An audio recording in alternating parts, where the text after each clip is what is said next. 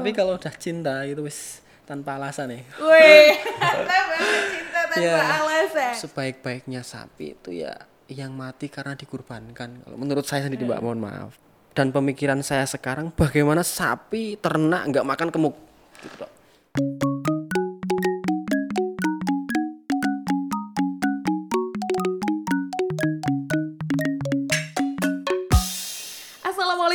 Warahmatullahi wabarakatuh Sahabat Tani udah gak berasa nih weekend lagi Udah wah waktu cepat berlalu Dan sudah hari minggu aja saatnya Feby Hastala Vista Memberikan asupan informasi yang inspiratif dan kisah sukses Dari peternak sapi dan pemilik berkah setia farm Yang sudah kita kenal bersama yaitu Mas Hermawan Halo Mas Halo. ah, Gimana kabarnya hari ini? Alhamdulillah baik, Mbak. Sibuk apa nih hari ini nih? Eh, seperti biasa masih menjalani aktivitas rutinitas yang seperti hari-hari sebelumnya, Mbak. Yang seperti apa dong? Ya, seperti ini, Mbak. Eh, masih dalam kondisi pandemi Covid, jadi Iya. saya tetap masih berjualan sapi walaupun online seperti itu. Ini menarik nih, Feby karena pasti penasaran sahabat Tani, itu awal mulanya dulu bisa berternak sapi. Kan Mas tuh masih muda, energik, masih yang kayaknya kita tuh sekarang kalau mau jadi petani tuh kayak maju mundur maju mundur gitu. Tapi Mas belum memutuskan oke, oke. saya mau berternak sapi dan berbisnis sapi. Oke, sebelumnya kenapa saya memilih berternak sapi gitu ya, Mbak ya? Iya? Jadi memang sudah watak atau bawaan itu tekanan tuntutan dari keluarga kami. Iya? Semua anak dari ayah saya maupun ibu saya itu wajib untuk harus untuk berusaha atau Wajib wirausaha. wajib untuk berwirausaha. Iya, wajib. Kalaupun bekerja itu pasti, tapi usaha atau wirausaha bisnis itu adalah satu kewajiban bagi keluarga kami atau adik-adik saya, kakak-kakak saya seperti itu, Mbak. Oh, jadi memang harus ada Harus, usaha gitu harus. ya. Apa pun usahanya. Apa pun usahanya, yang jelas di sini prinsip dari orang tua saya, Iya. eh, dari kakek-kakek saya terus sebelumnya juga sebaik-baiknya kamu, Iya. anak-anak saya, cucu-cucu saya itu yang mempunyai orang banyak. Maksudnya di sini mempunyai karyawan banyak, bukan yang bekerja di instansi tertinggi ataupun instansi terbaik di Instansi bergensi iya. gitu ya. Tapi lebih baiknya lagi kalau mempunyai karyawan yang banyak atau eh tenaga gitu loh bahasanya kalau di Jadi bermanfaat buat banyak orang gitu ya. benar seperti itu mbak. Oke, ini nih sahabat tadi kalau udah lihat di LED ini ada siapa aja nih Mas? Ada orang tua berapa bersaudara sih Mas? Hermawan? Eh, saya empat bersaudara. Empat Mbak. bersaudara. Iya, tapi kakek kakak, mohon maaf, Iya. ayah saya itu adalah eh, nomor tujuh. Jadi dari eh, kakek Iya. itu ada delapan bersaudara dan ayah saya merupakan anak terakhir yang cowok, yang terakhir adalah cewek. Hmm. Dan semua itu eh, ya latar belakangnya alhamdulillah usaha gitu mbak. Berarti udah dari pesantren udah usaha eh, sapi atau bagaimana? Ya, jadi pertamanya saya memilih usaha sapi nggak ada pilihan sebenarnya, Mbak. Tuntutan dari orang tua setiap ada peluang, apa pun itu peluangnya, kamu harus masuk ke dalamnya karena setiap peluang itu tidak akan datang kedua kalinya. Oh, Pada saat itu mungkin cerita sedikit nggak apa ya, Mbak ya? Gak apa-apa, tenang aja. Eh, saat itu saya lulus dari pesantren SMA gitu mau masuk kuliah kan ada mungkin waktu yang cukup panjang untuk di rumah gitu ya, Mbak. ya? Iya. Alhamdulillah untuk latar belakang dari ayah saya sendiri adalah uh, usaha udang, perikanan udang khususnya, Oke. ekspor impor. Uh, orang tua saya, ibu saya mohon maaf rumah makan, dan saya harus usaha. Usaha apa ya? Saya meniru orang tua. Sedangkan orang tua menyarankan kalau bisa itu usaha tidak ada yang sama dari kamu dan adik-adikmu. Tapi karena saya tidak mempunyai belum mempunyai bekal yang uh, memumpuni gitu, akhirnya saya mencoba usaha udang. Oke. Di situ saya seneng mbak usaha udang, tapi kurang cinta gitu. Kurang cinta. Karena kalau seneng itu gimana ya mbak, mut-mutan gitu ya. Oh, gitu. Tapi kalau udah cinta itu wis tanpa alasan ya. Wih, cinta tanpa Iya. alasan. Sedikit cerita dari Oh. usaha udang, Iya. alhamdulillah selama empat periode ya. Empat periode itu saya diberikan kerugian dan keuntungan sesuai dengan uang jajan saya. Kerugian dan keuntungan Sesuai uang jajan saya. sesuai uang jajan. Alhamdulillah rugi semua nggak ada untungnya. Waktu Mas udang Udang. rugi semua. Iya. apa yang buat pada saat itu rugi karena secara ilmu kan orang tua lebih lebih duluan gitu ibaratnya kita bisa dapat Eh, kalau berbicara masalah Iya. rugi itu sudah kembali lagi ke rezeki mbak tapi Oh, iya? eh, secara pandangan saya sendiri saya rugi karena apa ya? Karena saya belum menguasai eh, tentang udang itu sendiri. Oke. karena udang itu tidak seperti ikan lele dan sebagainya. Dikasih makan kelihatan kalau udang tidak ada. Jadi kayak kasih makan mohon maaf demit gitu. Nggak ada. Nggak ada udangnya tiba-tiba dipanen udah nggak ada gitu. Ya udah berarti eh, menyimpulkan diri saya rezeki rezekiku orang yang banyu Oke, bukan di air ya. Iya. Rezekinya lebih di kulit, kulit sapi dan sapinya yang bagus-bagus itu. Nji. Oh my god. Terus ini nih Mas, menarik, menarik sekali karena buat Feby tuh kalau misal sahabat Tani tahu juga YouTube-nya um, Berkas Setia Farm itu kan kayaknya sering banget ikut kontes-kontes sapi. Iya. Ya kan? Itu tuh kenapa sih awalnya kontes uh, ikut kontes sapi gitu? Apa motivasi dan tujuannya Mas Hermawan? Oke, eh, sebelumnya pertama kali dulu mbak, saya cerita nggak apa mbak? Iya. Oh, Dia? Iya. dong. Kenapa saya milih sapi dulu? Iya. Karena Milih sapi pada saat itu peluangnya saya di sapi. Peluangnya di sapi. Iya. Lihatnya dari mana tuh? Kadang kita kan nggak tahu nih peluang kita tuh ada posisinya di mana.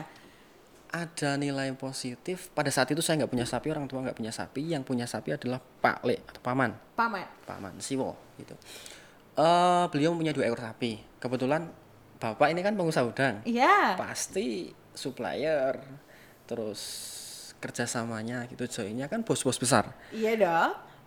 pada saat itu lebaran kalau nggak salah ya lebaran fitri gitu kan ya silaturahmi biasa lah sebagaimana mestinya.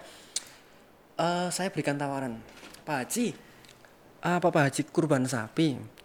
Ya pasti kurban toh gitu jawabannya. Wah seneng aku. Saya punya dua ekor sapi apakah Pak Haji mau berkurban sapi saya sapi paman saya maksud tapi saya bilang sapi saya gitu.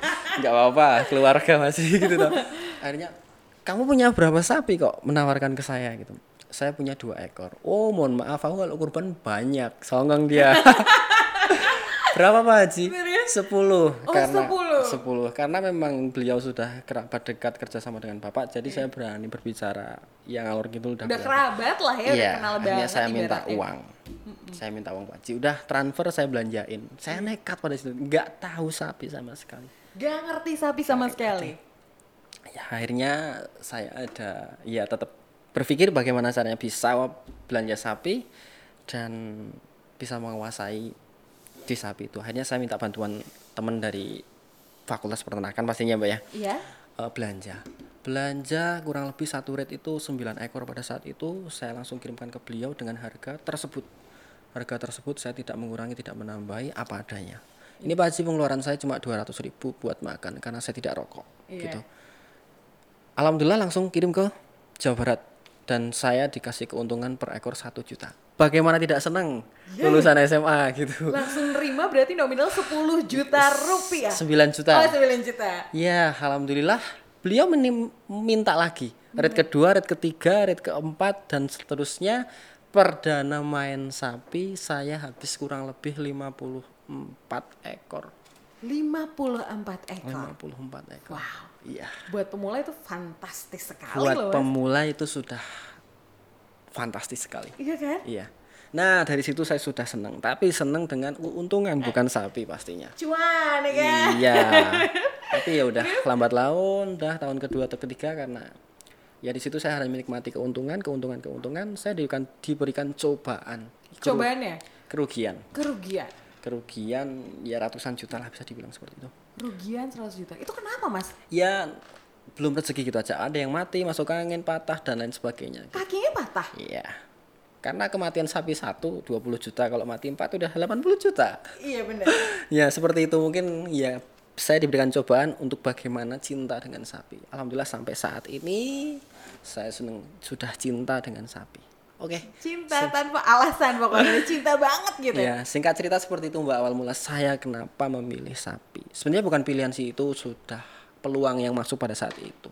Nah, kembali ke kontes ya Mbak ya. Iya benar. Kenapa saya mau ikut kontes? Karena, Karena kan harganya pasti beda-beda, jenis Pasti. kualitasnya beda dan segala macamnya kan beda, Mas. pasti pasti berbeda. Awal mula saya mengikuti kontes karena memang kontes itu agenda atau apa ya acara tahunan dari pemerintah. Oke. Setiap kabupaten atau setiap kota itu kebanyakan ada seperti itu mbak. Kebetulan saya mengikuti uh, kontes ternak pada saat itu di kabupaten saya sendiri. Dan ternak-ternak yang ada di kandang kami farm kami itu menjadi juara semua gitu mbak. Jadi juara semua. juara semua satu dua tiga gitu. Wow. Eh, dari situ saya mulai lebih cinta lagi dengan sapi pastinya tanpa alasan mbak lebih cinta lebih cinta akhirnya mengikuti tes kabupaten naik dari kontes provinsi provinsi jadi nasional dan alhamdulillah seperti saat ini sudah dikenal dengan uh, berkas Farm Purworejo Oke. siap Waktu pertama kali nih, ini penasaran banget Feby. Waktu pertama kali untuk ngikutin kontes, itu kualitas buat kontes tuh yang seperti apa sih yang yang dikatakan baik sampai kan mas pemula ikut kontes langsung menang juara satu, dua dan tiga itu kan Eh, yang pasti karena memang kontes pertama kali saya eh, mengikuti itu mungkin belum paham betul 100% belum paham jadi masih 50-50 intinya kontes itu pamer gitulah kita mengunggulkan apa yang kita punya bukan begitu ya mbak ya Iya. eh dari pengamatan saya sendiri namanya kontes itu besar-besaran sapi gitu Bahwa bobot sapinya Iya. berarti ya. pemikiran saya seperti itu dulu. Lalu alhamdulillah sapi kami besar semua, tapi untuk kualitas sapi yang baik, bagus, super berkualitas itu kan belum ada di tingkat kabupaten. Pastinya dinilai dari segi fisik dulu lah. Oh, Fisik. ganteng, cantik, udah juara gitu. Ganteng cantik. Udah juara. Hmm. Ganteng cantiknya sapi itu gimana nih? Ya kalau udah cinta itu pasti tahu. Bersih itu tinggi panjang putih atau kalau enggak hitam warnanya kalau enggak merah polos mengkilap tinggi panjang gemuk berat gitu udah itu kontes pertama kali kayak gitu Berat tuh berapa mas untuk mengikuti kontes itu Eh. kira-kira berat berapa dari bobot berapa sampai berapa atau bagaimana? Kalau berat itu menyesuaikan dengan kelas mbak, karena sapi yang ada di Indonesia ini sangat banyak sekali jenisnya ya, Iya. terutama yang ada di Jawa Tengah khususnya Yogyakarta ini, eh sapi yang banyak dibudidaya atau diternak oleh masyarakat adalah jenis peranakan ongol satu, Oke. PO, PO. orang sini menyebutnya ya lokal lah gitu. Oh lokal. Yang, putih ini bukan sih? Iya benar, Oke. itu banyak. Lalu yang kedua ada simental, Simental. limosin, dah tiga itu. Di selebihnya mungkin seperti Madura, Kupang, Bali, Sumbawa Ongol dan lain sebagainya itu ada di daerah lain seperti itu, Mbak. Oke, Iya. oke, oke. Menarik ini berarti semua dari kecil Mas eh, budidaya, maksudnya di dipelihara gitu. Atau ada beberapa yang ambil dari orang atau bagaimana eh, prosesnya kalau di berkah setia farm? Eh sesuai dengan pengetahuan saya dulu, Mbak. Iya. Eh waktu dulu pertama kali usaha sapi memang saya dari kecil. Oke, Saya kepengen tahu dari dasar caranya ngarit gimana, caranya buang kotoran gimana, cara memberikan makan gimana. oke. saya memelihara dari kecil sampai besar gimana caranya lalu lambat laun sesuai dengan uh, saat ini Iya. jadi bagaimana ini prasangka saya prinsip saya bagaimana saya dapat untung dan yang beli saya juga untung gitu dong saya untung yang beli untung sapi sehat dan pastinya menguntungkan untuk semuanya. Itu prinsip saya sekarang. Bagaimana caranya? Ya uh, mungkin sedikit gambaran beli sapi tidak harus yang kecil. Yang besar yang rusak yang penyakitan juga bisa kan mbak? Kan murah. Besar? rusak geruruh Rusak? yang penyakitan kan juga bisa. Oh gitu. itu kan harganya murah. Heeh. eh di sisi lain juga buat belajar bagaimana cara eh mengubah sapi yang dulunya rusak menjadi luar biasa gitu. Nah itu eh saya sekarang yang saya lakukan sekarang seperti itu. Lah nanti kita jual pastinya harganya berlipat dong, Mbak. Tadi yang beli misal 15 atau 20 juta bisa sekarang jual 30 sampai 40 juta.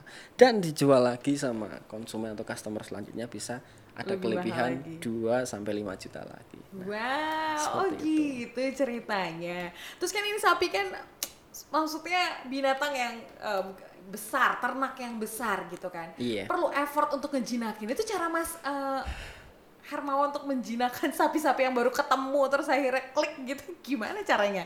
Eh kembali ke kita mbak karena sapi itu adalah makhluk hidup Oke. semua makhluk hidup itu diberikan ya sedikitnya itu kalau kita kan akal kalau sapi mungkin apa ya Rasa. rasa gitu jadi ada karakter tersendiri dari sapi setiap sapi mempunyai karakter yang berbeda itu pasti nggak semua sapi makan satu kilo kenyang enggak karena pastinya saya sama si mbaknya beda dong Oh iya sih, jelas itu sih yang namanya sahabat. saya makan banyak nggak gemuk-gemuk banyak makan dikit gemuk Ah, iya gitu bener. Kenapa di mention sih?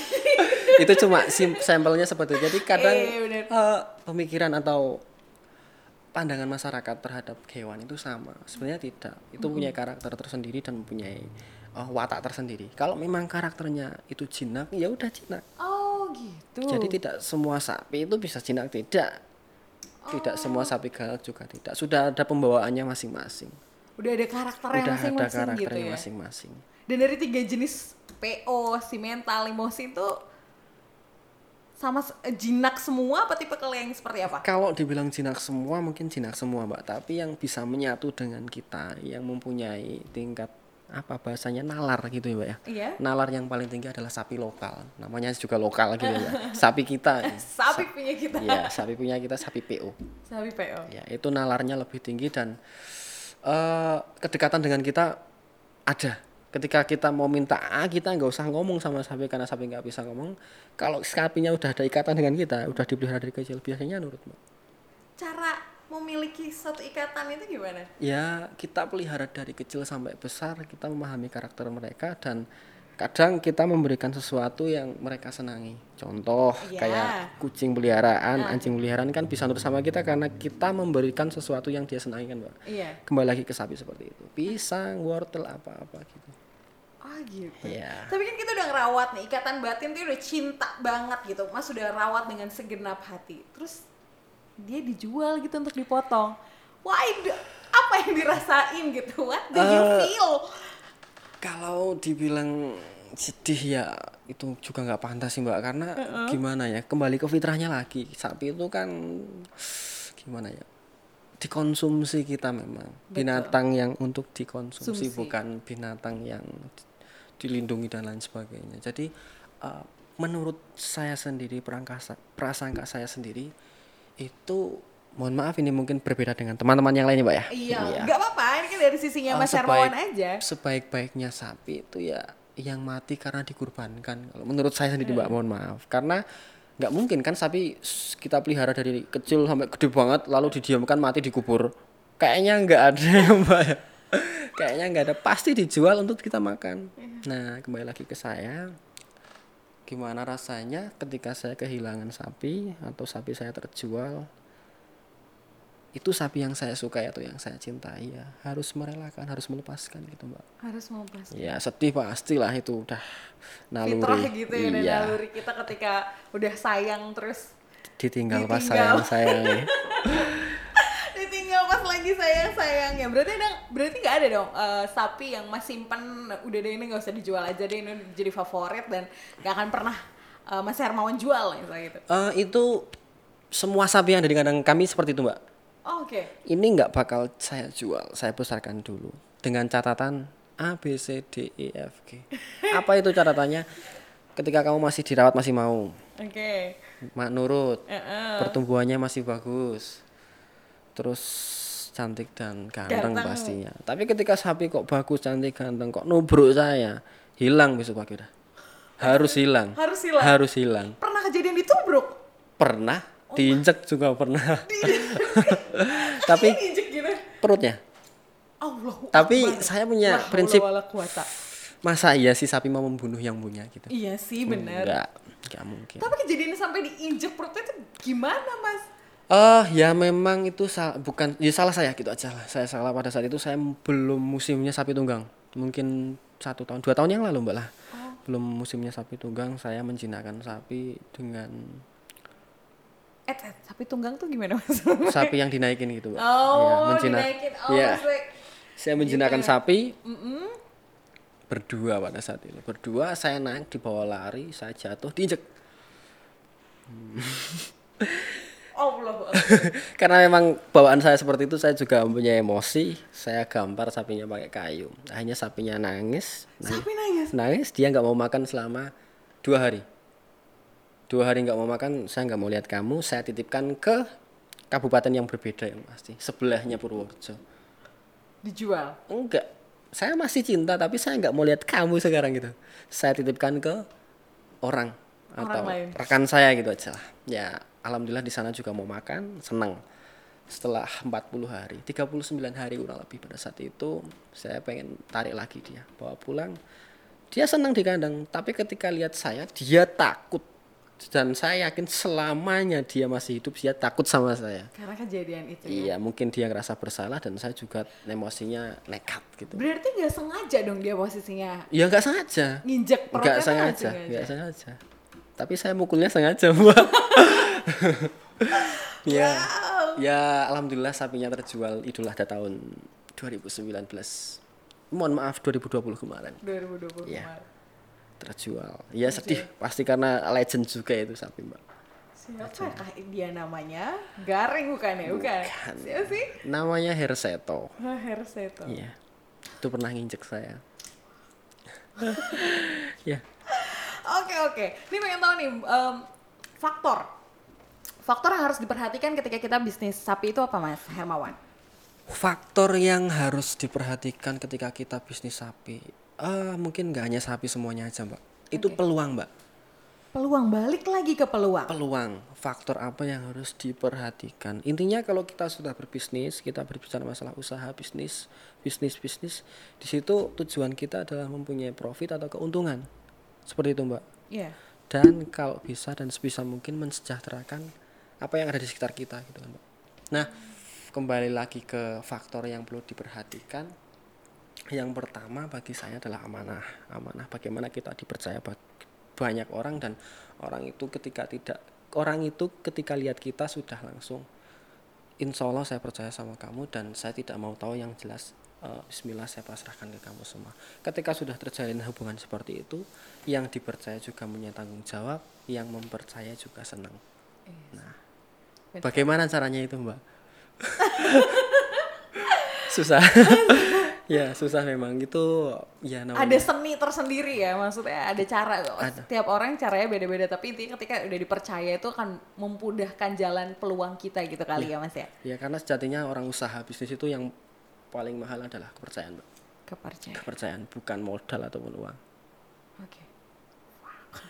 jadi bener uang itu bukan segala-galanya mbak tapi juga butuh uang Iya juga sih, bener juga ya. Oke, eh, kalau misalnya selama ini berarti udah berapa tahun nih eh, di Berkah Setia Farm itu udah berdiri berapa tahun mas? sejak 2017 awal saya sudah sejak lulusan SMA mbak saya mulai lulusan SMA 2016 2017 awal sudah di dunia sapi Di dunia sapi. ya Tantangan terbesar?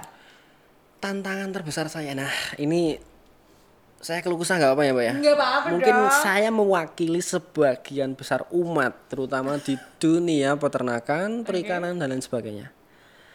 Gini mbak. Awal saya bisnis usaha sapi. Itu pakan sapi yang dikonsumsi oleh sejuta umat. Iya. itu pada saat itu masih harganya seratusan ribu. Pakan sapi. Pakan.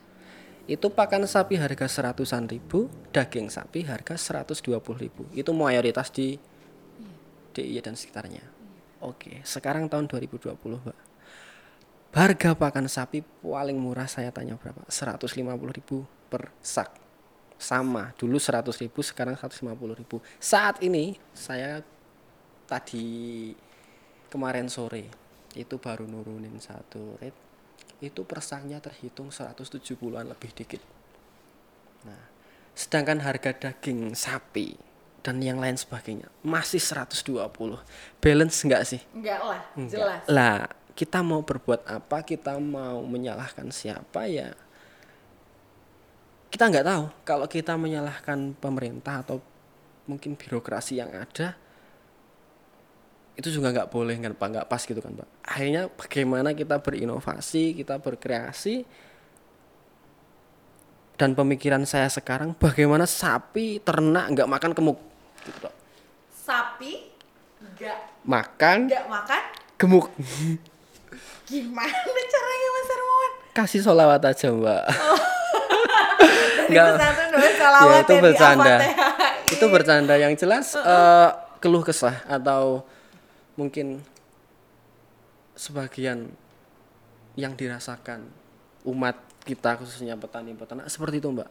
Itu baru berbicara masalah sapi mbak. Saya juga ada cabai kates mongko melon semua alhamdulillah ada. Sama harga sekarang harga mohon maaf dulu sampai sekarang kan sama. Iya. sedangkan pupuk nggak ada yang yang nggak harganya sama. nggak ada naik terus dari setahun setiap ke tahun Oke. Iya sih bener daging sapi sekilo paling 120. Dari zaman saya SD sampai sekarang 120. Tapi pakan udah naik tiga kali lipat, Mbak. Bukan dua kali lipat lagi. Mungkin katanya pedagang pakan ini saya juga nggak tahu. Iya. Eh 2010 ke belakang itu pakan masih 60.000 ribu per sak. 60 ribu per Sekarang udah 170. Kalau eceran 200. Tiga kali lipat kan, Mbak? Iya dong. Hasilnya dagingnya sama. Gimana mau nggak menjerit petani? Iya bener. Itu yang dilakukan petani sekarang. Makanya banyak yang mohon maaf eh, mempunyai gelar H gitu, haji sebetulnya sama. itu banyak yang mengundurkan diri gitu. Bukan mengundurkan diri. Jadi eh, Resign kayak udah gak gulung sanggup tikar, gitu. Oh, Iya, gulung tikar. gulung tikar. Dia eh, berus- berusaha berbisnis, mohon maaf, Iya. berbisnis itu cuma menghibur diri, mbak, bukan mencari keuntungan. Keuntungan dia yang dulunya miliaran bahkan triliunan itu habis kesedot tidak terasa karena udah diniati menghibur diri aja. Oke. Ya karena nggak ketemu itu nggak balance, nggak nggak logis itu loh, mbak. Iya, mungkin karena daging yang kita konsumsi adalah bukan daging sapi lokal yang Iya, peternak makan, tapi itu adalah asupan dari impor pasti ya. Meh Makanya sambat kale harga- sinten gitu, Pak. Ke terlebih lagi ini berbicara masalah ekspor impor sekalian Iya. aja ya, Mbak ya. Daging impor enak, bersih, siap saji karena kita masyarakat Indonesia pastinya suka yang instan-instan. Iya. 80 80 ribu per sak.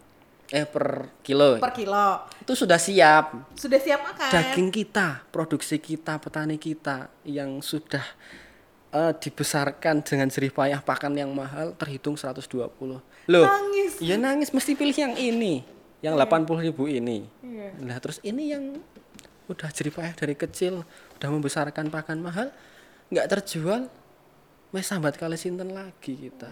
Nah itu kondisi saat ini yang dirasakan oleh bukan saya mungkin kami. Nggih. Oke, oke. Kalau menurut eh, menurut sisi dari Mas Hermawan, eh, solusi apa nih biar Iya. eh, yang apa ya, yang kepikiran di pikirannya Mas Hermawan bahwa ini bisa ngebantu petani dan karena kalau Vivi lihat data statistika, ya kan, data statistika itu kita buat produksi petaninya aja tuh nggak ada setengahnya dari kita import gitu, hasil dagingnya gitu. Solusi. Iya palingnya apa yang pikirannya Mas eh, Hermawan? Ya itu sudah sebab akibat mbak. Setiap ada kebuntuan pasti ada jalan gitu ya. Waduh, sok bijak mas. Solusinya itu yang muda yang berkarya. Yang muda yang berkarya, berarti saat saatnya kita sahabatan untuk yang muda yang berkarya. itu. Eh, gimana yang muda yang berkarya? Siap. Sekarang namanya sapi ya sapi ya mbak ya. Namanya Iya. daging ya enggak kenal namanya daging sapi ya udah itu bakso dan rendang dan Iya. sebagainya. Padahal sapi beribu-ribu macam kan mbak. Iya. Mbak tahu ayam potong, ayam lehur bahasa ya tahu. Sekilo sekian, taruhlah 10 sekilo 10 ribu, taruhlah misal ya Mbak ya. Taruh misal Ayam potong berapa Mbak? Ah, Ayam- mohon maaf, Ayam- ayam, lehor 10 ribu. Ayam Terus kampung. ayam kampung berapa? Ya lebih mahal dong. Anggap aja 20 ribu. Heeh. Kan sama ayam. Iya. Terus ayam sabung, ayam Bangkok berapa? 20 juta. Udah berapa kali lipat ini? Nah, kita, kami, peternak, petani semua, mungkin nantinya ke depan ini baru ikhtiar bersama, doa bersama bagaimana caranya sapi mempunyai pintu yang banyak. Ini loh sapi potong. Ini loh sapi kesayangan. Ini loh sapi buat bisnis, ini sapi buat yang rugi-rugi. Jadi Ada ya? Iya. Sapi yang rugi-rugi ada. Mas. itu mohon maaf. eh, prinsip seperti itu kan harusnya yang yang jalan itu yang paham akan ini, Mbak. Setan gepeng, mohon maaf. Gadget ini. ya karena menyebutnya setan gepeng banyak positifnya, banyak negatifnya. Iya, Eh, itu yang yang bisa membuka pintu sendiri-sendiri atau bisa mengubah pola, prasangka, prinsip seperti itu kan yang mudah-mudah, Mbak. Iya. Nuwun sewu Iya. eh, golongan beliau bapak-bapak atau sing sepuh-sepuh, para Iya. sepuh, semua yang udah tua-tua mohon maaf HP-nya lalit, monggo lenggah teng dalem sing maju ben anak putune. Ketika anak pitu itu sudah tertarik dengan uang, ya wis nanti jalan pikirannya akan buka sendiri, Mbak. Yakin saya. Mohon maaf, saya sendiri, saya Hermawan. Itu nuwun sewu. Saya di lingkungan di bangku pendidikan sekolah itu golongan anak yang paling bodoh. Es tuh mbak. Tapi saya yakin ben kebodohanku nanti ya wes aku rambut doni wong gitu nek iso sing pinter tak openi gitu itu prinsip saya seperti itu Sam- Keren. sama juga orang tua karena sepinter-pinternya orang pasti akan bekerja di tempat yang tinggi dan sepuluh punya orang yang pinter ditarik ikon kerja nang awak dhewe gitu aja oke kembali lagi ke sapi mbak Eh, seperti itu. Jadi solusi saat ini atau pikiran saya yang ada saat ini bagaimana kita membuka pintu tersendiri antara ini loh saya potong. Ini loh sapi peliharaan. Ini loh sapi yang merugikan. Ini sapi yang menguntungkan. Jadi ada pintu. Kayak ayam kan sudah terstruktur. Karena ayam pemainnya banyak. Sedangkan siapa anak muda yang seneng di dunia sapi saya tanya. Seribu satu kotor bau untung cuy waduh seperti itu mbak ya jangan diambil semuanya positifnya diambil aja Iya dong. Terus terobosan apa lagi nih bakal dilakukan oleh uh, Berkah Setia Farm? Ya, alhamdulillah beberapa pekan, beberapa tahun terakhir ini kan sudah kita lihat bersama ada kontes. Itu menjadi ya Salah satu pintu. ya salah satu pintu. Pastinya eh yang pertama itu menguntungkan yang pasti, Mbak. Untuk kita golongan peternak petani. Karena apa? Ketika kita mempunyai produk atau kualitas dari sapi itu yang lebih itu di harga dengan harga yang lebih. Karena apa? Karena itu akan ditarungkan. Akan ditarungkan, akan diperjualbelikan ketika sapi itu sudah menjuarai kontes dan lain sebagainya. Dan tidak bisa dong dihitung timbangan 120.000 per kilo. Oh nggak bisa. Nggak bisa. Nah, di situ satu, dua, tiga, empat, lima mungkin sembari berpikir sembari menjalankan ikuti aja alurnya gitu mbak nggak bisa kita langsung satu sampai lima Iya. terlang nggak bisa nah seperti itu singkat ceritanya mbak Baik mas. Oke oke berarti ini prospek sapi itu prospek yang sangat luar biasa ya sebenarnya kalau Ya. kita bisa gali lebih dalam lagi. seperti itu mbak setiap usaha yang bagi saya pemainnya pesaingnya terus peminatnya sedikit itu pasti menguntungkan sekali dan merugikan sekali. Menguntungkan sekali. kalau untung ya banyak kalau rugi juga banyak. Oke. itu karena ya peluangnya sedikit. Peluangnya nggak ada atau banyak banget gitu aja. Ya kembali lagi ke sapi karena memang minat sapi bagi kalangan muda. Untuk saat ini mungkin seribu satu ya mbak ya? Rata-rata sudah nuwun sewu sepuh sepuh Sepuh-sepuh. sepuh banget. sepuh sepuh sepuh banget. Wah, sahabat Tani. Bisa jadi peluang banget nih buat kita nih kan Iya, yang lagi benar. rebahan gitu kan. Jadi ada kepikiran oh bisnis sapi gitu. Oke, selain sapi itu selain dagingnya yang kita sering makan eh kita makan untuk konsumsi sehari-hari, itu tuh sapi tuh ada lagi nggak sih nilai manfaatnya biar untuk jadi nilai jual dan cuannya? eh nilai manfaat dari sapi itu karena sapi makhluk mempunyai nyawa dan bergerak banyak sekali mbak kembalikan lagi ke lingkungan sekitar kita Oke. Logis nggak ketika kita beli sapi baru lahir 50 juta padahal harga umumnya 5 juta sampai 10 juta? Enggak dong. enggak dong. Tapi kenapa kita berani harga dengan seperti itu? Karena dia mempunyai keistimewaan yang tidak dimiliki dengan orang lain.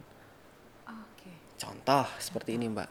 Di lingkungan sekitar saya itu kan dianjurkan sama eh, pemerintah mungkin ya mbak ya bisa disebut seperti itu untuk kawin alam di Indonesia ini kan dianjurkan untuk inseminasi buatan atau kawin suntik. Iya. dianjurkan untuk kawin alam. Dan kawin alam itu diseleksi pejantan itu tidak semuanya mungkin satu kecamatan satu. Oke dapat satu ini. Keturunan dari pejantan-pejantan ini akan dipilih menjadi sapi terbaik untuk diambil pemerintah. Satu yang kedua untuk eh memperbanyak mungkin populasi sapi yang ada di daerah tersebut. Dengan apa? Dengan kawin alam tersebut. Lalu nilai positifnya seperti ini mbak. Ketika kita sudah mempunyai sapi pejantan sapi berkualitas tinggi maka kita setiap hari didatangi oleh betina-betina banyak yang dibawa oleh petani-petani sekitar. Ketika sapi kita naik mohon maaf eh, menunggangi si betina atau membuai si betina itu mbak ya? Iya. Eh, petani itu pasti nggak mungkin dengan tangan kosong dong mbak. Nah pasti membawa sebuah imbalan ya karena kita di Bibit Indonesia unggul gitu Ya, ya. karena kita di Indonesia mungkin ya uang imbalannya gitu Pak. Setidaknya tidak ada targetan, tidak ada nominal yang bisa disebutkan, yang jelas seikhlasnya gitu Pak. Dan rata-rata kalau petani itu ngasih uang 100 ribu, sehari lima kali 500 ribu, satu bulan 15 juta. iya ya. Udah hidup dong dari 15 Udah, juta udah itu. kipas-kipas itu Kipas sih. kipas. Kita beli bibit 100 juta, no problem kan mbak? Iya. itu udah aset kita selama lima tahun 10 tahun kita ngalir terus sebulan 15 juta. Apalagi musim hujan kayak gini mas. Udah musim kawin ya berarti. Wah, angkrem terus. Seperti itu. Ya wis, itu itu lingkungan sekitar mbak. Itu di daerah saya. Di Oke. Jogja beda lagi. Di Jogja beda di lagi. Jogja baru beda lagi. Seperti yang ada di channel saya ataupun eh, media sosial saya Oh, di Jogja itu kan kota istimewa pastinya. Itu banyak sejarah-sejarah yang tidak terlupakan terutama kendaraan tradisional sebelum ada mesin. Itu kan menggunakan gerobak sapi. Iya. lalu gerobak sapi itu ditemui kan tidak setiap daerah ada. Di situ disewakan dengan tempat yang mungkin sudah disarankan di sini ada gerobak sapi dengan tarif yang luar biasa mbak. Itu pun permintaan konsumen atau customer bukan permintaan dari kita. Oke. oke sekali tur- sekali putaran taruhlah 250.000 ribu atau 500 ribu keliling Malioboro 30 menit 500 ribu ya mbak ya dua hari sekali 500 ribu udah 7 juta 500 beres kan itu di Jogja di lain tempat pasti berbeda Oke, oke. Nah, tinggal kita eh, selektif memilih peluang mana yang akan kita ambil, Mbak. Yang jelas bagi saya, saya sendiri Hermawan tidak pernah memilih peluang. Apa pun peluangnya itu saya ambil. Ambil. Ambil. Sing gitu penting ya. halal, Mbak. Halal orang rugi nih wong liya. Jupun. Tapi sapi kan kalau misalnya eh, ngangkut kayak ka- karavan gitu kan nanti dia kan lelah gitu. Tapi nggak efek nggak ke, ke stamina-nya si sapinya atau Boten. Eh, udah itu fitrahnya seperti itu, Mbak. Oh, iya Sapi ternak itu membantu kegiatan manusia? manusia yang manusia itu sendiri tidak bisa dilakukan tanpa bantuan tersebut. Nah, ya udah. Kemarin teman-teman bajingan Yogyakarta, mohon maaf saya menyebut kata kotor. Bajingan itu kepanjangan dari bagus yang jiwa angan-angan yang pangeran. Bagusnya Bagus? jiwa dambaan seorang pangeran. Oh, Gusti Allah. Allah. Nah, itu dari Jogja, dari Prambanan di Kembantul sampai ke tempat saya Purworejo itu ya berhari-hari. Yang jelas niatnya apa ya wis itu. Yang pertama tetap sambung silaturahmi seduluran, yang kedua kita membuktikan kalau sapi atau ternak yang kita punya itu tidak lemah. Kalau kita benar-benar memanfaatkan sedemikian rupa sebagaimana mestinya dan pastinya sesuai dengan fitrahnya itu positif semua mbak. Nggak ada negatifnya. Insya Allah seperti itu. Oke. Tapi kalau segi kualitas dagingnya gitu, Eh berbicara masalah kualitas daging dari sapi lokal atau sapi impor dikembalikan lagi ke peternaknya. Selera. Oh, peternaknya. peternaknya. Kalau peternak peternaknya memberikan perlakuan yang sama baik sapi impor maupun lokal mungkin hasilnya sama mbak. Itu apa yang saya la- alami sampai saat ini. Dirasain selama ini gitu. Oh, Oke, oke. Oke, tapi kalau peternaknya mungkin membedakan pola makan, pola eh, segalanya lah kualitas hidup dia, ya berbeda mbak. Yang jelas kondisi saat ini di kita, di lingkungan kita, sebagian sapi yang ada di masyarakat itu dikonsumsi dalam bentuk daging bulat alias bakso, bener sih? Bener. Eh, kita dibanding eh, kita membandingkan antara bakso dan rendang kan peminatnya banyak bakso. Banyak. Jadi bisa disimpulkan mayoritas dan hampir keseluruhan dari sapi yang ada dijadikan bakso. Hmm. Dan bakso itu kan akan lebih nikmat apabila ada lemak-lemaknya gitu. Iya, Ya. Ya wes. Gimana caranya kita mengatur kalau sapi itu ada lemak-lemaknya tapi itu tidak tidak berlebihan. Oh, bisa diatur ya? Kalau masalah mengatur daging dan lain sebagainya itu kembali ke kual- pakan, Mbak. Oh, sebenarnya makan sapi itu apa sih mas? Feby penasaran, soalnya kadang kan sapi digulung-gulung dulu, rumput digulung-gulung gitu ya sih? Eh, sesuai fitrahnya, Mbak. Sapi pakannya adalah rumput. Iya kan? Rumput yang di dalamnya rumput itu ada namanya protein, karbo, eh, mineral, lemak dan apa-apa pasti ada. Lalu namanya orang Indonesia kan luar biasa. Luar biasa, luar biasa apanya nih mas? Kayak Iron Man. luar biasanya bisa membuat Odading dong, odading. bisa membuat apa-apa yang ada tidak ada apa-apa yang tidak ada menjadi ada mbak rumput bisa tergantikan sekarang Tergantikan dengan apa? ya apa yang ada di dalam rumput itu bisa digantikan mbak contohnya kita sapi itu butuh protein Iya. sapi itu butuh mineral karbo dan lain sebagainya Iya. ya udah kita cari sesuatu intinya apa yang bisa dimakan sapi dan di dalamnya ada eh, nutrisi tersebut yang jumlahnya sedikit tapi banyak isinya. Em, gimana ya? Yang takarannya atau jumlah bentuknya sedikit tapi isinya mencukupi. Nah itu disebut namanya konsentrat mungkin di kalangan peternak atau petani kita. Konsentrat itu menggantikan rumput. Tapi tidak boleh sapi kok makan konsentrat atau tidak makan rumput.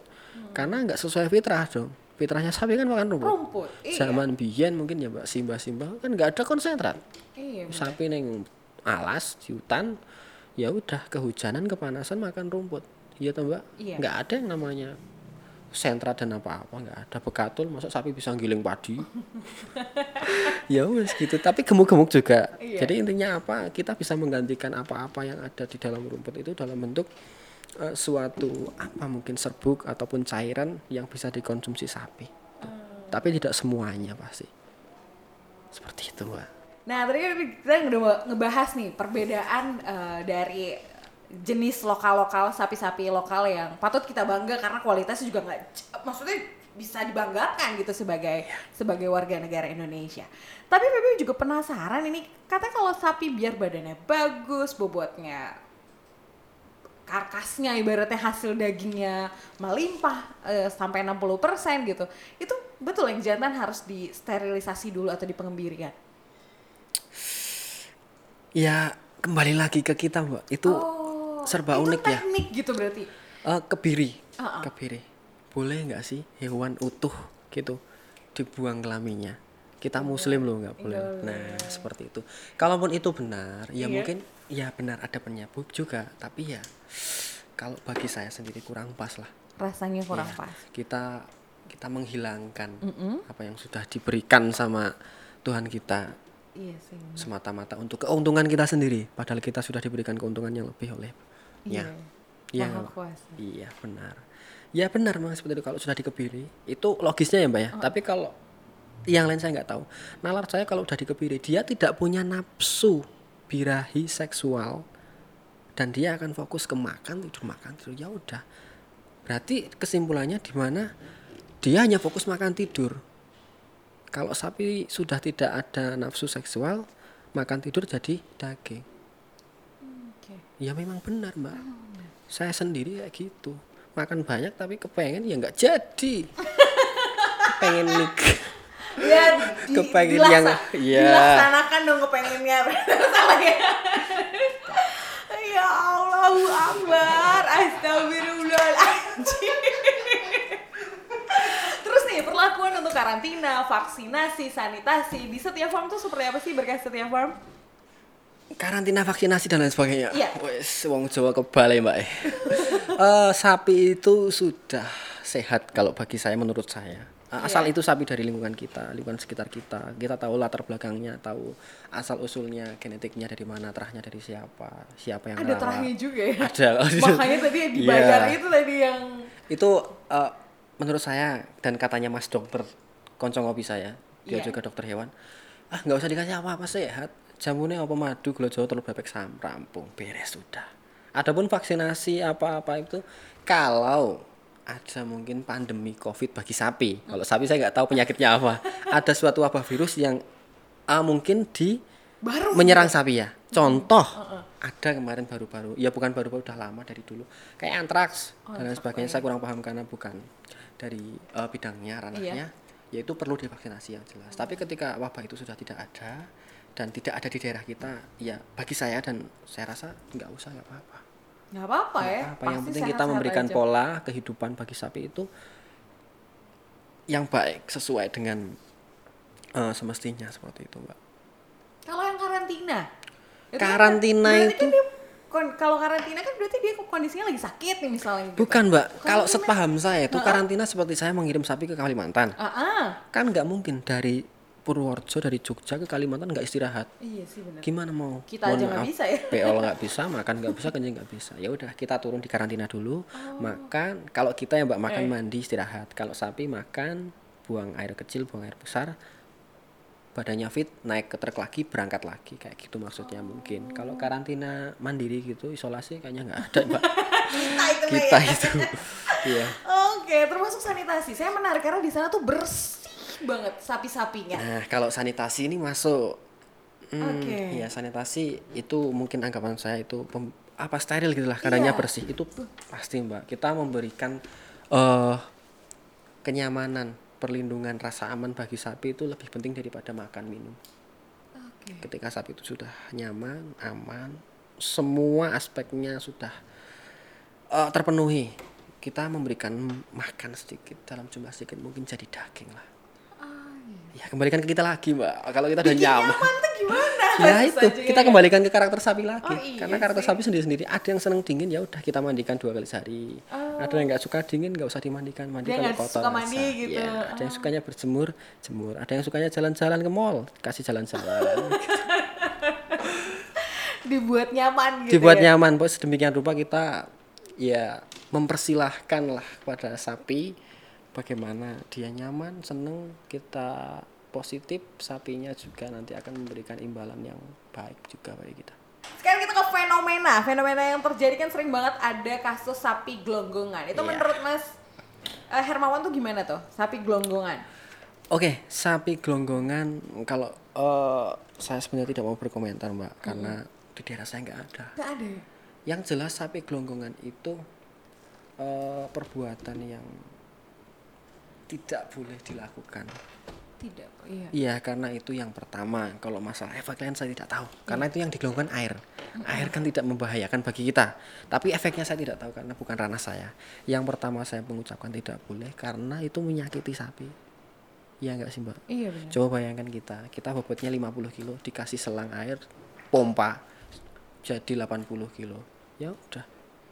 Wah, yo sakit banget itu mending dibunuh sekalian kan, Mbak. Itu enggak dibunuh. Nah, saya merasakan kok tega gitu, Dok. Masalah hasilnya dagingnya seperti apa membahayakan atau tidak? No comment, karena bukan ranah saya. Seperti itu. Oke. Siap. Aduh sama tadi kayak pengennya banyak banget ngobrol sama Mas Hermawan saking serunya ya kan saking serunya pertanyaannya Feby kayaknya nggak ada abis-abisnya gitu kalau ngobrol karena sambil bercanda sambil kita juga dapat ilmu tapi kita harus akhiri sahabat Tani terima kasih banyak buat Mas Hermawan sudah Siap. berbagi informasi dan berbagi ilmu pengetahuan buat kita lalu buat sahabat Tani ya kan kalau kita berpikir adalah petani kok kayaknya nggak ada yang keren gitu. Nah, Mas Hermawan adalah contoh petani keren yang harus kita apa ya kita panuti gitu ya sahabat tani karena kalau misalnya nggak ada nggak ada petani kita nggak ada peradaban nih sampai hari ini. Iya. ya udah Feby pamit. Wassalamualaikum warahmatullahi wabarakatuh. Ini tani semangat bertani untuk negeri